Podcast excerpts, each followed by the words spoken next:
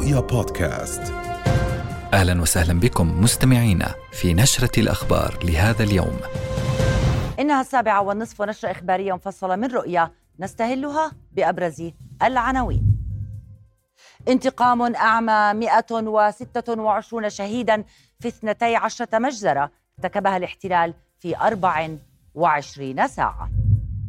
قنص وكمائن مقتل جنود إسرائيليين بالجملة خلال معارك في قطاع غزة. أفكار جديدة.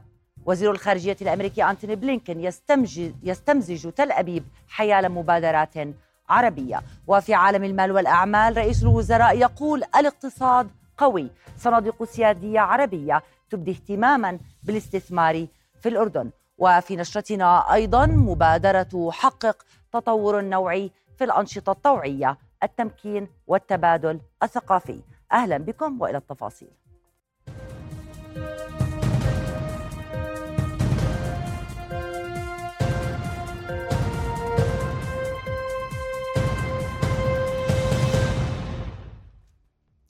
تستمر حرب الإبادة الإسرائيلية على قطاع غزة لليوم الخامس والتسعين مع تفاقم الأزمة الإنسانية في القطاع واستمرار النقص في المساعدات وشح المواد الغذائية والطبية في وقت استأنفت فيه القاهرة رسميا مشاركتها في الوساطة بين الاحتلال وحركة حماس في محاولة للتوصل إلى صفقة جديدة لتبادل الأسرى. وبالتوازي مع تواصل الاحتلال استهداف المدنيين في مناطق عدة في القطاع أفادت وزارة صحة غزة بارتفاع حصيلة الشهداء إلى 23210 شهداء ونحو 60 ألف مصاب مشيرة إلى ارتكاب الاحتلال 12 مجزرة راح ضحيتها 126 شهيدا و241 مصابا خلال يوم واحد. ولفتت صحة القطاع إلى أن هذه الحصيلة تشمل فقط من وصلوا إلى المستشفيات إذ يتعذر الوصول إلى عدد من الشهداء وانتشالهم بسبب القصف الإسرائيلي العنيف واستهداف مركبات الإسعاف. مع احتدام المواجهات والعمليات والكمائن مع قوات الاحتلال أعلنت كتائب القسام تدمير دبابة إسرائيلية من نوع ميركافا بقذيفة الياسين 105 في خان يونس جنوب قطاع غزة. وجنوبا في خان يونس استهدف مقاتلو القسام قوة إسرائيلية بعبوة مضادة للأفراد وأوقعوا أفرادها بين قتيل وجريح. وفي شرقي مخيم البريج وسط قطاع غزة قنص مقاتلو القسام أربعة جنود إسرائيليين ببندقية الغول القسامية. أما سرايا القدس فأعلنت استهداف آلية عسكرية إسرائيلية بقذيفة آر بي جي شرق مخيم البريج وسط القطاع. هذا وبثت سرايا القدس مشاهد حمم الهاون التي دكت بها المواقع والتحشيدات والآليات العسكرية في محاور التقدم شرق وشمال المحافظة الوسطى في القطاع. وفي غمرة تلك المعارك أقر جيش الاحتلال بمقتل تسعة ضباط وجنود وسط وجنوبي قطاع غزة خلال 24 ساعة. وبذلك يرتفع عدد جنود الاحتلال القتلى منذ بدء المعارك البرية في السابع والعشرين من تشرين الأول المنصرم إلى 187 ووفقا لمعطيات رسمية كشف جيش الاحتلال عن إصابة 27 ضابطا وجنديا خلال الساعات الأربع والعشرين الماضية من بينهم 23 في المعارك البرية في القطاع. من جانبها هيئة البث الإسرائيلية أفادت بأن خمسة من العسكريين القتلى لقوا مصرعهم في انفجار شاحنة كانت تحوي مواد متفجرة معدة لتدمير أنفاق في القطاع. وتأخر هذا الإعلان الرسمي عن القتلى حتى اليوم فأقر الاحتلال بخسائره الجديدة على دفعتين. وكانت مصادر إسرائيلية أكدت أن ما جرى يعتبر الأقصى على الجيش الإسرائيلي منذ بداية الحرب. إلى ذلك أعلن الجيش توسيع عملياته العسكرية البرية في مدينة خان يونس جنوب القطاع بالتزامن مع إعلان متحدثه دانيال هاغاري البدء في مرحلة جديدة من الحرب أقل كثافة في القتال وتشمل قوات برية وهجمات جوية بوتيرة أقل. وجه الناطق باسم سرايا القدس أبو حمزة رسالة إلى المستوطنين حذرهم فيها من العودة إلى مستوطنات شمال قطاع غزة. يا جماهير شعبنا ويا كل الأحرار والثوار إننا أمام استمرار الحرب والعدوان وتغول العدو في دماء الأبرياء والمدنيين. ومع دخول المعركة شهرها الرابع نؤكد على ما يلي. أولا إن هدف العدو المعلن بالقضاء على المقاومة لم ولن يتحقق بأمر الله ولو استمرت الحرب إلى ما لا نهاية.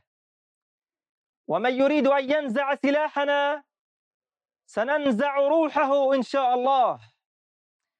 ثانيا بفضل الله تعالى ما زال مقاتلون في الميدان يستبسلون كل يوم بالدفاع والمواجهة على جميع محاور تقدم العدو في قطاعنا الصامد.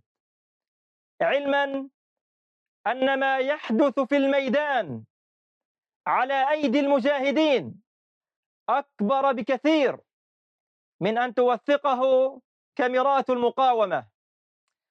وهنا نعلن عن بعض من بأس عملياتنا البطولية والتي كان آخرها إسقاط طائرة استخبارات صهيونية في سماء مدينة خان يونس والاستيلاء على ما فيها من معلومات هامة استفادت منها وحداتنا العاملة ميدانيا بشكل كبير. وبفضل الله تبارك وتعالى أطبق مجاهدون بعدها على آليات العدو بقذائف الهاون والصواريخ والأسلحة المناسبة فضلا عن الإجهاز على قوة صهيونية خاصة. تحصنت في أحد المباني وحققنا بفضل الله إصابات مباشرة محققة. وسنعرض لاحقا ما يؤكد ذلك بمشيئة الله تعالى. نحذر المستوطنين الصهاينة. ونقول لهم بأن دعوة نتنياهو لكم بقرب عودتكم إلى غلاف غزة هي استمرارا منه لبيعكم الوهم والسراب. وقرارنا في المقاومة بأنه لا عودة ولا استقرار بإذن الله. طالما استمرت الحرب وطالما استمر القتل والنزوح وسيكون للمقاومة فعلها وكلمتها إن شاء الله. أكد رئيس المكتب السياسي لحركة حماس إسماعيل هنية أن عملية طوفان الأقصى جاءت بعد محاولة تهميش للقضية الفلسطينية. وفي كلمة له في مؤتمر الاتحاد العالمي للعلماء المسلمين في الدوحة قال هنية على الرغم من الثمن الباهظ والمجازر وحرب الإبادة فإن العدو فشل في تحقيق أي من أهدافه في الحرب. فشل الجيش والقوة والاستخبارات والطائرات الغربية التي جاءت فوق غزة اليوم. طائرات التجسس أحدث طائرات التجسس من دول غربية اليوم فوق قطاع غزة. بتبحث عن الأسرى. ولكنهم لم يستطيعوا أن يستردوا أسير واحد. ما حيستردوا أسراهم؟ مطلقا إلا بالإفراج عن كل أسرانا من سجون الاحتلال. جسور جوية من عواصم متعددة. بتصل إلى الاحتلال. وحاملات طائرات و و و إلى آخره. إحنا هذا أصبح فرض عين لما يقوم به وما يجب أن نقوم به. وكما أشار السادة العلماء هناك فتاوى وهناك تحريض وهناك بيانات وهناك جهاد, جهاد البيان وجهاد اللسان. نعم آن الأوان لجهاد السنان. ينضم إلينا من مدينة رفح جنوبي القطاع مراسلنا غازي العلول. أهلا بك غازي 24 مجزرة. ارتكبت منذ ليلة أمس وعلى ما يبدو خان يونس ما زالت في في سجل إنجازات المقاومة وما زالت أيضا في مرمى قصف المحتل الذي يقول إن عمليات أو وتيرة القتل ستشتد كيف تتابع المشهد الدموي؟ نعم تحية لك آه، لنا عمليا آه، خان يونس لها آه، يعني ميزة خاصة ربما في جغرافيتها وكذلك في طبيعة السكان الذين يتواجدون هناك بالنظر إلى الكثافة السكانية التي تشهدها هذه المنطقة خاصة في ضوء استمرار عمليات النزوح منذ اللحظة الأولى من هذه الحرب وصولا إلى خان يونس. وهناك بالفعل بعض العائلات خرجت قدوما إلى أقصى الجنوب إلى رفح، لذلك الاحتلال الإسرائيلي يجد صعوبة في آه، طبيعة الدخول والذهاب إلى عمق مدينة خان يونس، اليوم يؤاف جالنت قال في لقائه مع بلينكن إنه أو إن المعارك ستشتد في خان يونس املا في تحقيق الأهداف والمتعلقة باغتيال قادة حماس، هم يعتقدون تماما بأن قادة حماس يتواجدون في هذه المدينة لاعتبارات استخباراتية وفق ادعائهم. ولكن هذا آه، بات آه، واضحا بأنه فشل جديد يضاف إلى هذه العملية العسكرية البرية. عندما بدأت المرحلة الأولى من شمال القطاع في بيت حنون بيت لاهيا كذلك جباليا وفشل الاحتلال ذهب نحو مدينة غزة. هناك ارتكب المجازر واصل عمليته العسكرية البرية وقبل أيام سحب الافا من جنوده من مدينة غزة في ضوء عدم قدرته على تقويض قدرات المقاومة أو تدميرها أو حتى استعادة الرهائن واغتيال قادة حماس. لذلك ذهب نحو الترويج لفكرة أن مدينة خان يونس يتواجد بها قادة حماس على اعتبار أن منزل يحيى السنوار هو في مدينة إلى أن عمليات التبادل في فترة الهدنة غالبيتها كانت من مدينة خان يونس. اعتقدوا بأن هذه المدينة يعني يتواجد فيها عدد من الأسرى. لذلك هم يواصلون البحث عن يعني أو يريدون تضييع الوقت أو المزيد من الوقت املا في الحصول على ذريعة لاستمرار هذه الحرب. سيما وأن نتنياهو يعرف تماما بأن مستقبله السياسي مرتبط بما يستطيع تحقيقه على الأرض عمليا هنا في قطاع غزة. الآن عندما فشل الاحتلال في مدينة خان يونس بدأ يروج لفكرة أخرى والتي آه، يعني تتعلق بالمحافظات الوسطى. بدأ عملية عسكرية برية هناك وهو يواصل الإبادة الجماعية للفلسطينيين في كافة المناطق. هذا بالتأكيد آه، يثبت بأن المقاومة الفلسطينية استخباراتيا هي ذات قدرات عالية. أيضا على المستوى العسكري والميداني في الأرض هي تسطر البطولات عندما آه، يعني آه، تخرج بصور وفيديوهات مصورة من كل محاور القتال تدلل على أنها تواجه الاحتلال من نقطة صفر وتخرج من خلف خطوطه وتقتل وتدمر آلياته العسكرية، بالتالي عمليا كل هذه الترهات التي يخرج بها بنيامين نتنياهو ووزراء حربه هي لكسب الوقت أكثر قدر ممكن خاصة في ضوء فشله هنا في قطاع غزة، الآن بدأ يروج لفكرة الانسحاب التكتيكي من مدينة غزة وبالفعل هذا بات واقعا. القوات قوات الاحتلال الإسرائيلي فقط تتواجد على الأطراف في مدينة غزة وشمال القطاع. بدأت الحياة تعود بعض الشيء في هذه المناطق آه، آه، لطبيعتها في ضوء تخفيف وتيرة الاستهدافات. ولكن الاحتلال يدعي بأن هذا التكتيك هو الذي سيحقق الأهداف أي أنه بعدما فشل في القصف الجوي بداية ثم فشل في العملية العسكرية البرية ثانيا في غزة وشمال.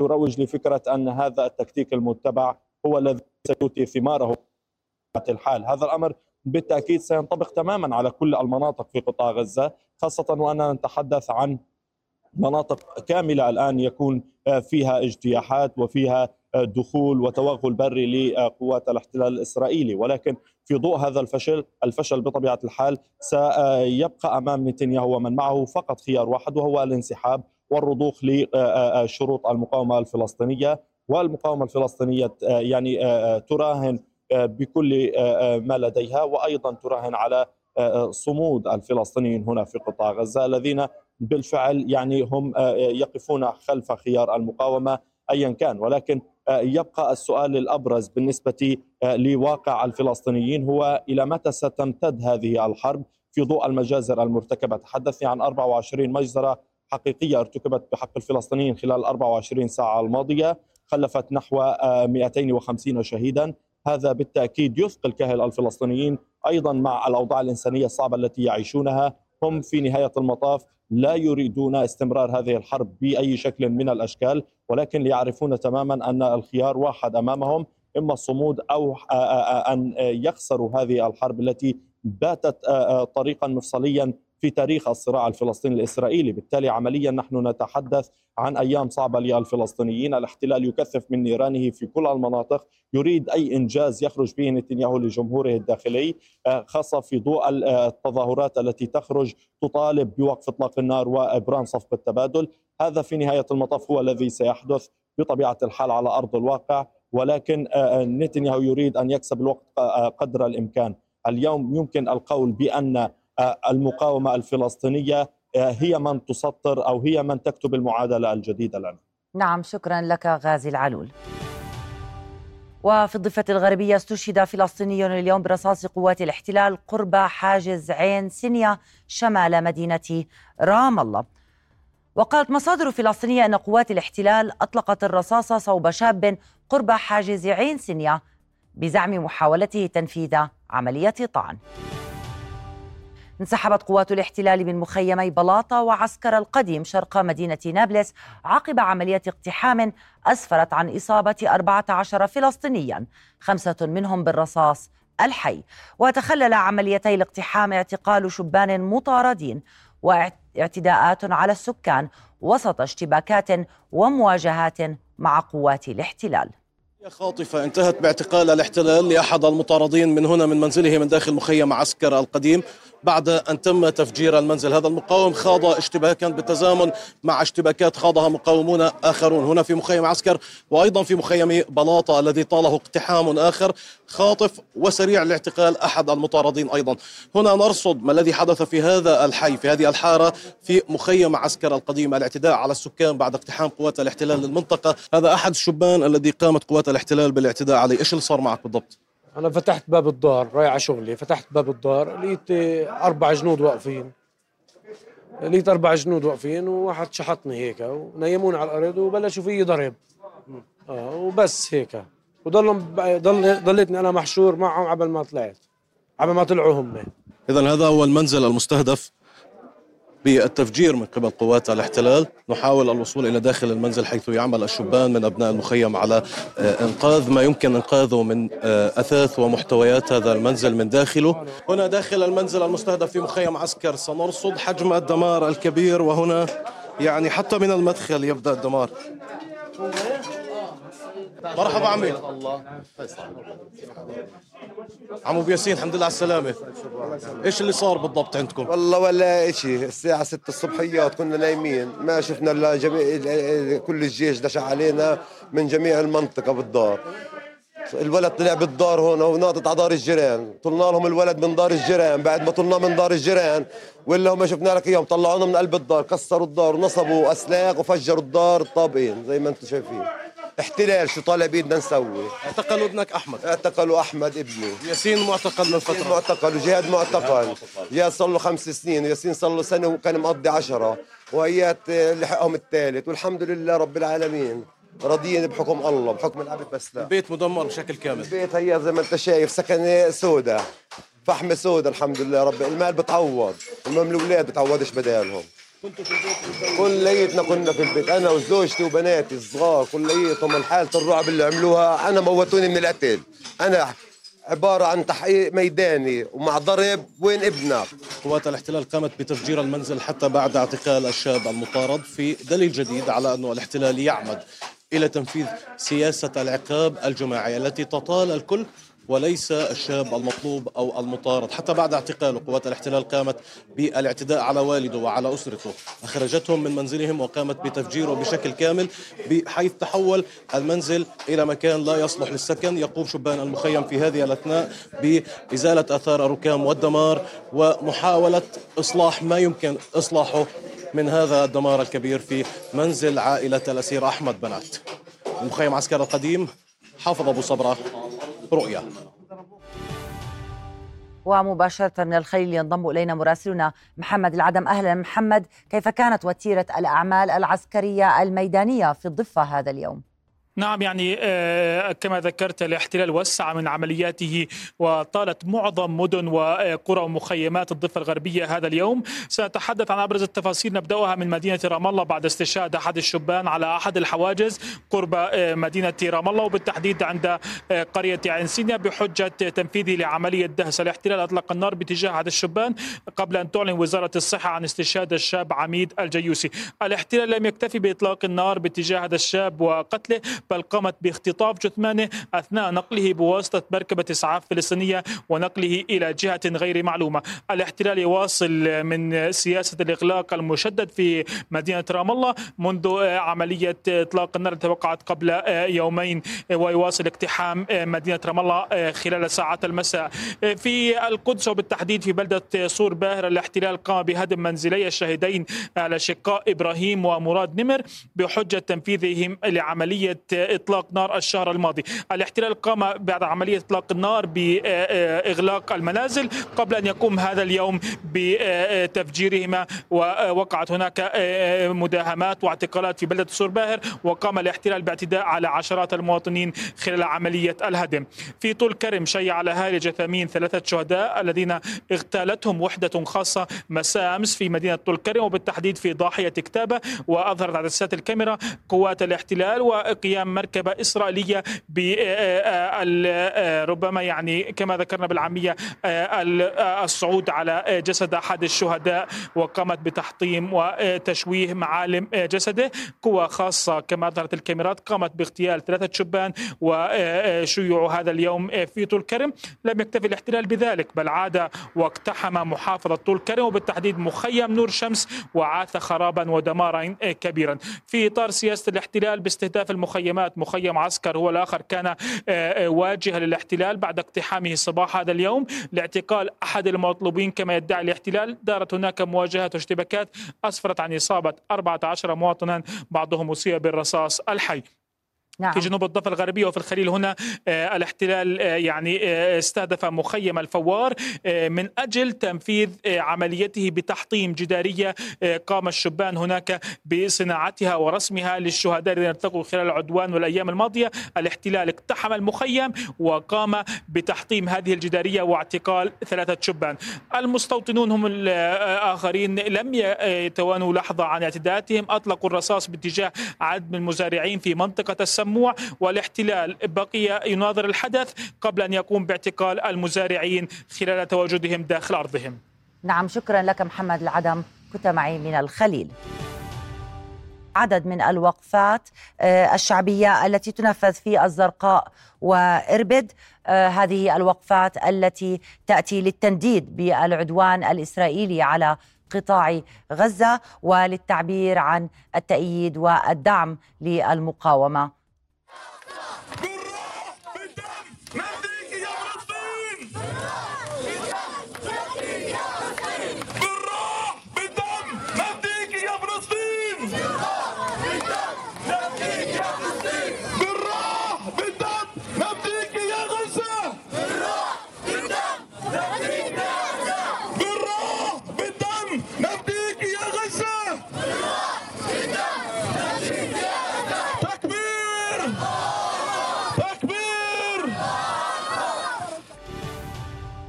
وفي شب جبهة الجنوب اللبنانية تستمر العمليات العسكرية المتبادلة بين حزب الله والاحتلال الإسرائيلي بشكل مكثف والتي تأتي في إطار الرد على اغتيال القائد القسامي صالح العروري والقائد العسكري في حزب الله وسام الطويل. إذ استهدف الحزب مقر قيادة المنطقة الشمالية التابعة لجيش الاحتلال في مدينة صفد بعدد من المسيرات الهجومية في رد ثان على عمليتي الاغتيال. في المقابل استهدفت قوات الاحتلال البلدات اللبنانية والآليات والمناطق السكنية فشن غارة بين وادي الحجير وبلدة الغندورية. استهدفت مركبة ما أسفر عن استشهاد ثلاثة من عناصر حزب الله. كما قصفت طائرات ومدفعية الاحتلال أطراف بلدة الناقورة بقنابل فسفورية بالإضافة إلى تعرض بلدتي العديسة وكفار كلا ومناطق عدة في القطاع الشرقي في الجنوب اللبناني لقصف إسرائيلي مكثف. هذا واستهدف حزب الله ست مواقع مثل موقع رويسات القرن ورويسات العلم بالأسلحة الصاروخية وأصابوهما بشكل مباشر بالإضافة إلى استهداف تجمع لجنود الاحتلال في محيط ثكنة أدميت بالصواريخ, بالصواريخ الموجهة وحقق إصابة مباشرة في صفوف الاحتلال. كما استهدف موقع حنيتا التابع للاحتلال مؤكدا تحقيق إصابات مباشرة. وعلى وقع ارتفاع مستوى المواجهة على الجبهة اللبنانية الجنوبية والتي تظهر التداعيات الميدانية انتقالها إلى مرحلة جديدة عقب اغتيال القيادي في حركة حماس صالح العروري. أتى اغتيال القائد في حزب الله وسام الطويل لتطرح علامات استفهام حول المرحلة الجديدة التي انتقلت إليها المواجهة بين حزب الله وكيان الاحتلال بالتزامن مع إعلانه الانتقال إلى ما يصفها بالمرحلة الثالثة من العدوان على قطاع غزة في الشهر الرابع من العدوان. اغتيال القائد الميداني في حزب الله وسام طويل بصاروخ استهدف سيارته في خربة سلم في قضاء بنت جبيل. لا شك أنه يمثل ضربة أمنية ومرحلة جديدة بدأها الاحتلال الإسرائيلي في لبنان. لعلها الضربة الأقصى التي تلقاها حزب الله من إسرائيل. تصعيد بدأ يتخذ منحى قد لا تكون العودة فيه إلى الوراء سهلة بعدما تم تجاوز بعض الخطوط الحمر وقواعد الاشتباك سواء جغرافيا أو تكنولوجيا. فالاحتلال اغتال العروري في معقل حزب الله ومربعه الأمني. رد الحزب بضربة في قاعدة عسكرية استخباراتية استراتيجية بالنسبة إلى إسرائيل التي ردت باغتيال شخصية كانت لها بصمة كبيرة في ميادين سوريا والعراق وكانت من أبرز مرافقي قاسم سليماني في الساحات وعماد مغني ومصطفى بدر الدين وهو من المسؤولين البارزين في وحدة الرضوان. قاد العديد من العمليات النوعية التي استهدفت مواقع وانتشار جيش العدو الإسرائيلي عند الحدود اللبنانية الفلسطينية. استشهاد وسام الطويل لديه حساب طبعا لكن حزب الله بصراحة وضع حتى هذه اللحظة من تسجيل هذا التقرير قاعدة وهي استهداف العسكريين حصرا. وعندما رد على اغتيال الشيخ صالح العروري كان قادر حزب الله بسهولة أن يستهدف عمق تل أبيب ويصيب المدنيين لكنه رد على مركز عسكري حيوي له علاقة بسلاح الطيران الذي نفذ العملية. القتال كرقصة التانجو يحتاج دائما إلى راقصين وأحدهما حتما لا يريد هذه الرقصة رقصة الموت وهو حزب الله. المرحلة الجديدة التي انتقلت إليها المواجهة بين حزب الله والاحتلال تضع جبهة الجنوب اللبناني أمام ساعات وأيام حاسمة تسير بالتوازي مع عجلة دبلوماسية محمومة تقودها الولايات المتحدة الأمريكية ولو بمساهمات أوروبية متعددة. الأمر الذي تجسده الجولة الرابعة لوزير الخارجية الأمريكي أنتوني بلينكن في المنطقة وانتظار وصول المبعوث الخاص آموس هوكشتين إلى لبنان. نقل إلى حزب الله عرض بأن إسرائيل تنسحب من نقطة البي 1 عند الحدود جنوبي لبنان وصولا إلى إخراج بلدة الميري لكن مزارع شبعة تبقى للنقاش وخارج هذا الموضوع. أوروبا خارج مسرح الأحداث والتأثير بل أكثر من ذلك إن آموس هوكشتين أبلغ الجانب اللبناني أن كل ما تسمعوه من الفرنسيين والألمان والأوروبيين لا قيمة له. وكما في الحدود البحرية رسم الأمر برعاية أمريكية إذا حصل تثبيت للنقاط البرية وحل ما وترتيب ما كوني أكيدة أنه سيكون حصرا برعاية أمريكية. الحركة الدولية القائمة تشير بوضوح إلى أن التفاوض هو المسار المفضل لدى الجميع رغم أن الخطر من حرب إسرائيلية لا يزال ماثلا وإن كان بعض المراقبين يضعون التهديدات الإسرائيلية في خانة الاستهلاك السياسي والإعلامي. يبدو أن السباق المحموم بين التصعيد الخطير والتسوية مستمر وبوتيرة مرتفعة. وحزب الله لم ولن يقبل بالتفاوض قبل وقف إطلاق النار في غزة. ومهما كانت التسويات المطروحة فالأكيد أن المفاوضات أيضا ستكون مع حزب الله كما في الجنوب كذلك في السياسة. من بيروت جوانا نصر الدين رؤيا. في زيارة هي الخامسة له إلى تل أبيب منذ تفجر الحرب على قطاع غزة. شدد وزير الخارجية أنتوني بلينكن في اجتماعه مع رئيس حكومة الاحتلال بنيامين نتنياهو ومجلس الحرب على تجنب إلحاق مزيد من الأذى بالمدنيين في غزة وزيادة مستوى المساعدات الإنسانية. وبحسب المتحدث باسم الخارجية الأمريكية ماتيو ميلر نقل بلينكن مبادرات قادة الدول التي زارها حتى الآن ضمن جولته في المنطقة والتي تتمحور حول المساعدة في استقرار القطاع والتعافي ورسم مسار سياسي مستقبلي. وهذه الدول هي تركيا الأردن وثلاث محطات خليجية. كما أكد بلينكن أن قادة الدول التي زارها عازمون على منع اتساع نطاق الصراع بين تل أبيب وحماس في غزة.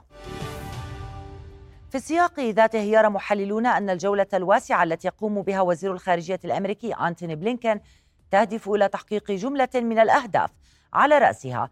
ضمان عدم اتساع نطاق التصعيد ومناقشة اليوم التالي للحرب وتغيير نمطها.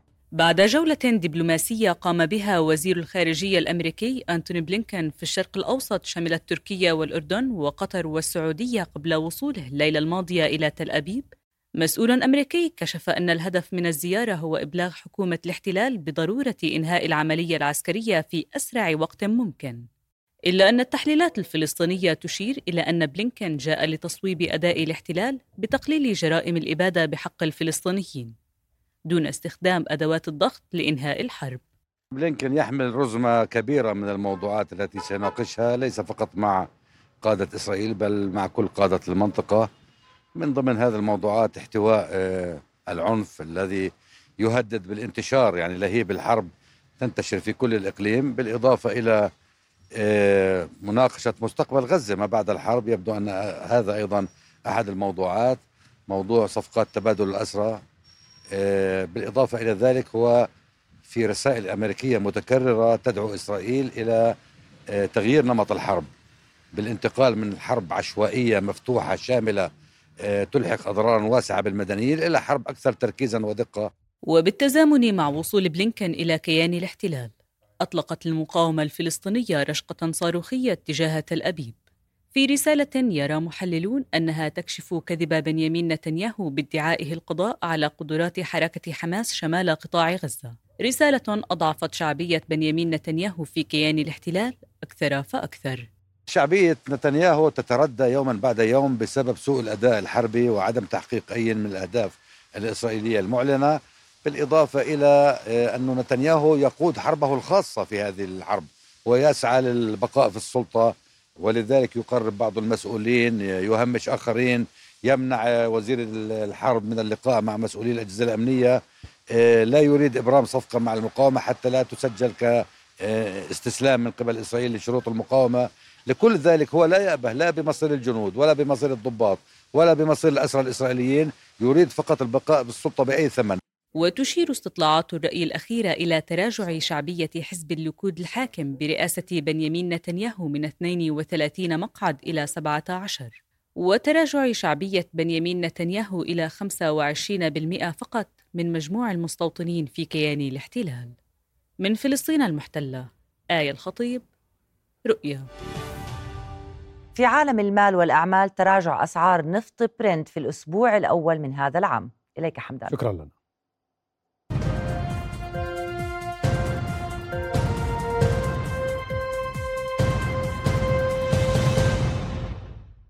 أهلا بكم. بحث مجلس الاستثمار برئاسة رئيس الوزراء بشر الخصاونة سبل إيجاد حلول للتحديات التي تواجه المستثمرين وتداعيات عدوان الاحتلال على الاستثمار في المملكة.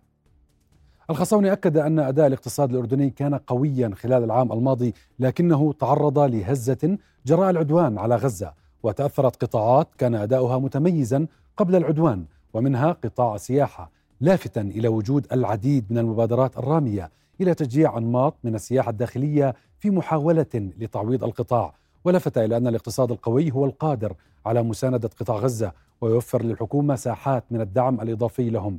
من جانبها أعلنت وزيرة الاستثمار خلود السقاف إبداء صناديق سيادية عربية اهتماما بالعديد من المشاريع الاستثمارية في الأردن وأن الاستثمار حقق مؤشرات إيجابية خلال التسعة أشهر الأولى من العام الحالي.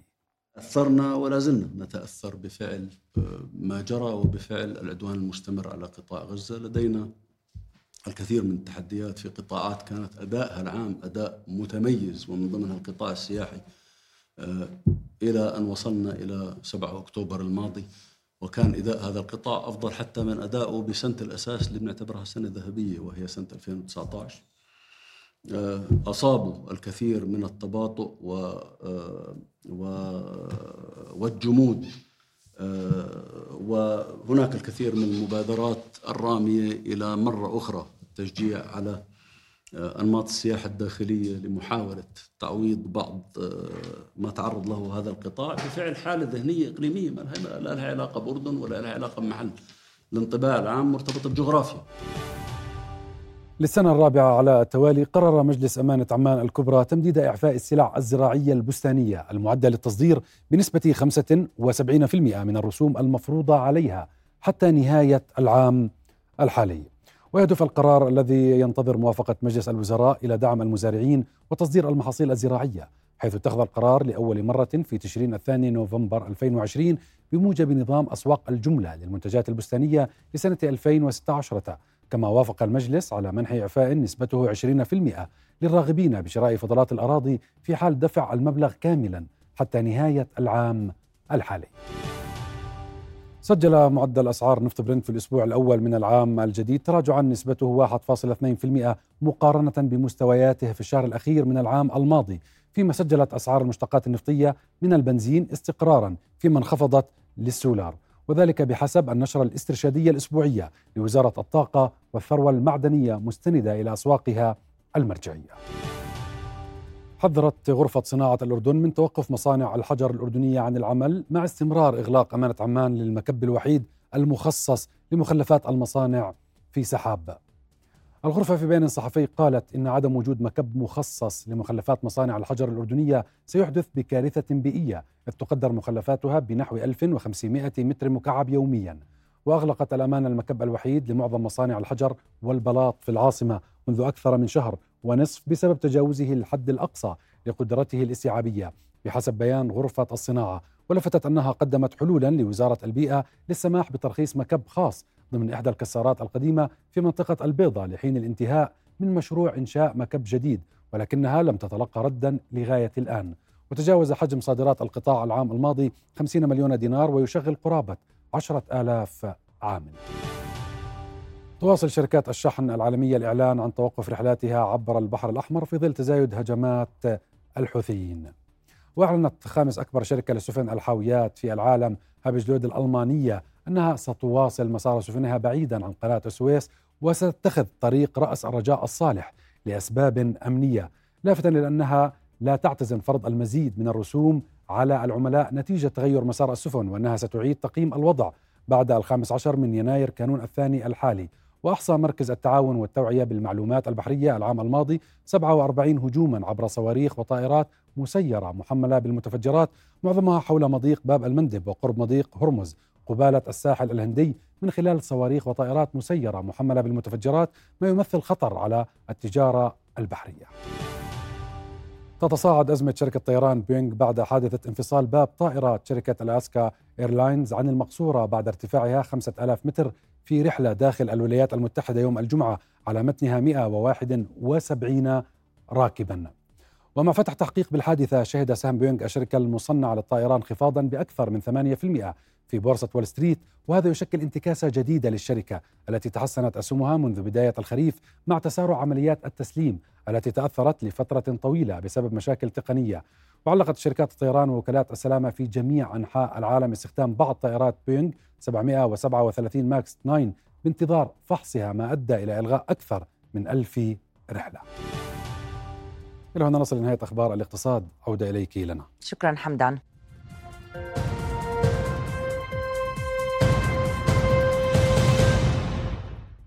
أهلا بكم. في خبر وردنا قبل قليل صرح مصدر عسكري مسؤول في القيادة العامة للقوات المسلحة الأردنية. الجيش العربي بمداهمة قوة خاصة مشتركة من مرتبات القوات المسلحة الأردنية. الجيش العربي والأجهزة الأمنية فجر اليوم الثلاثاء.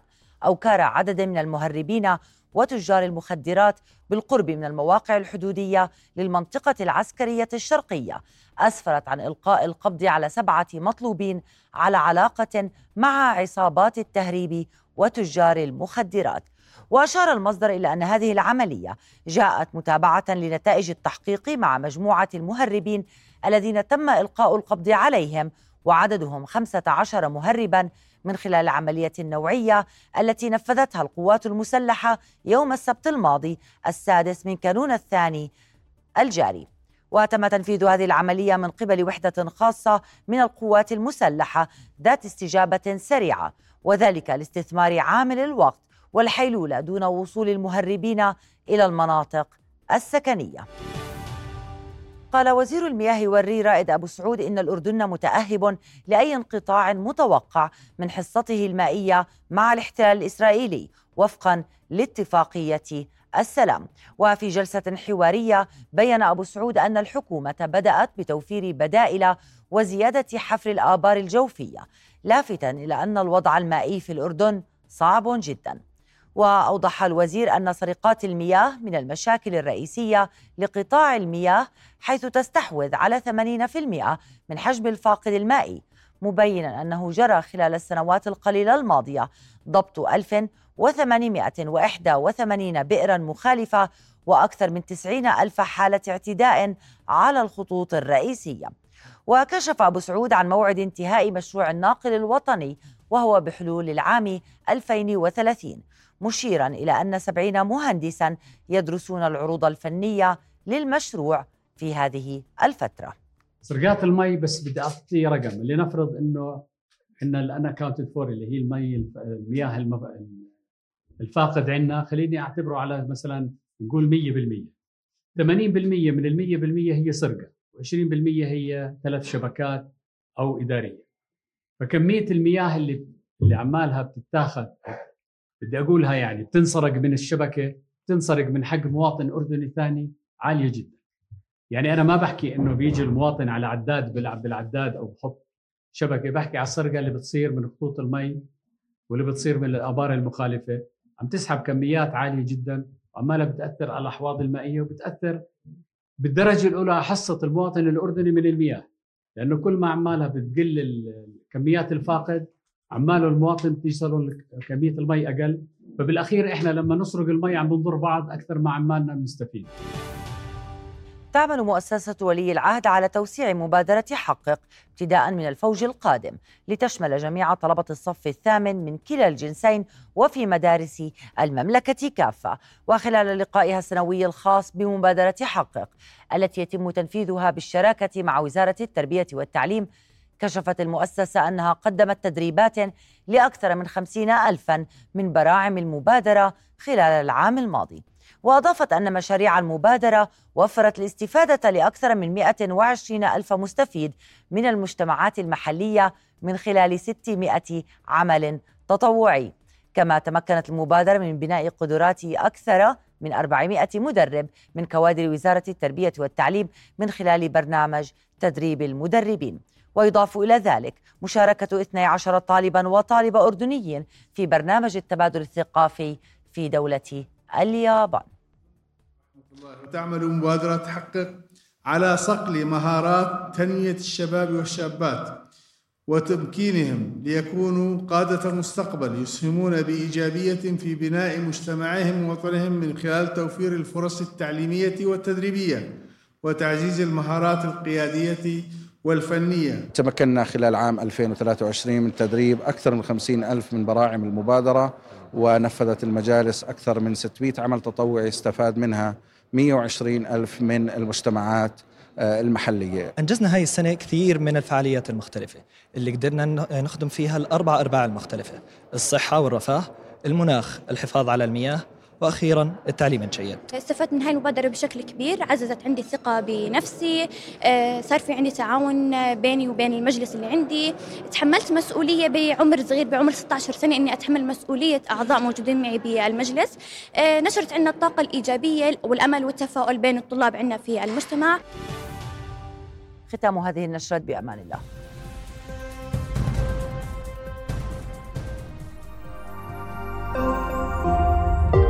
رؤيا بودكاست.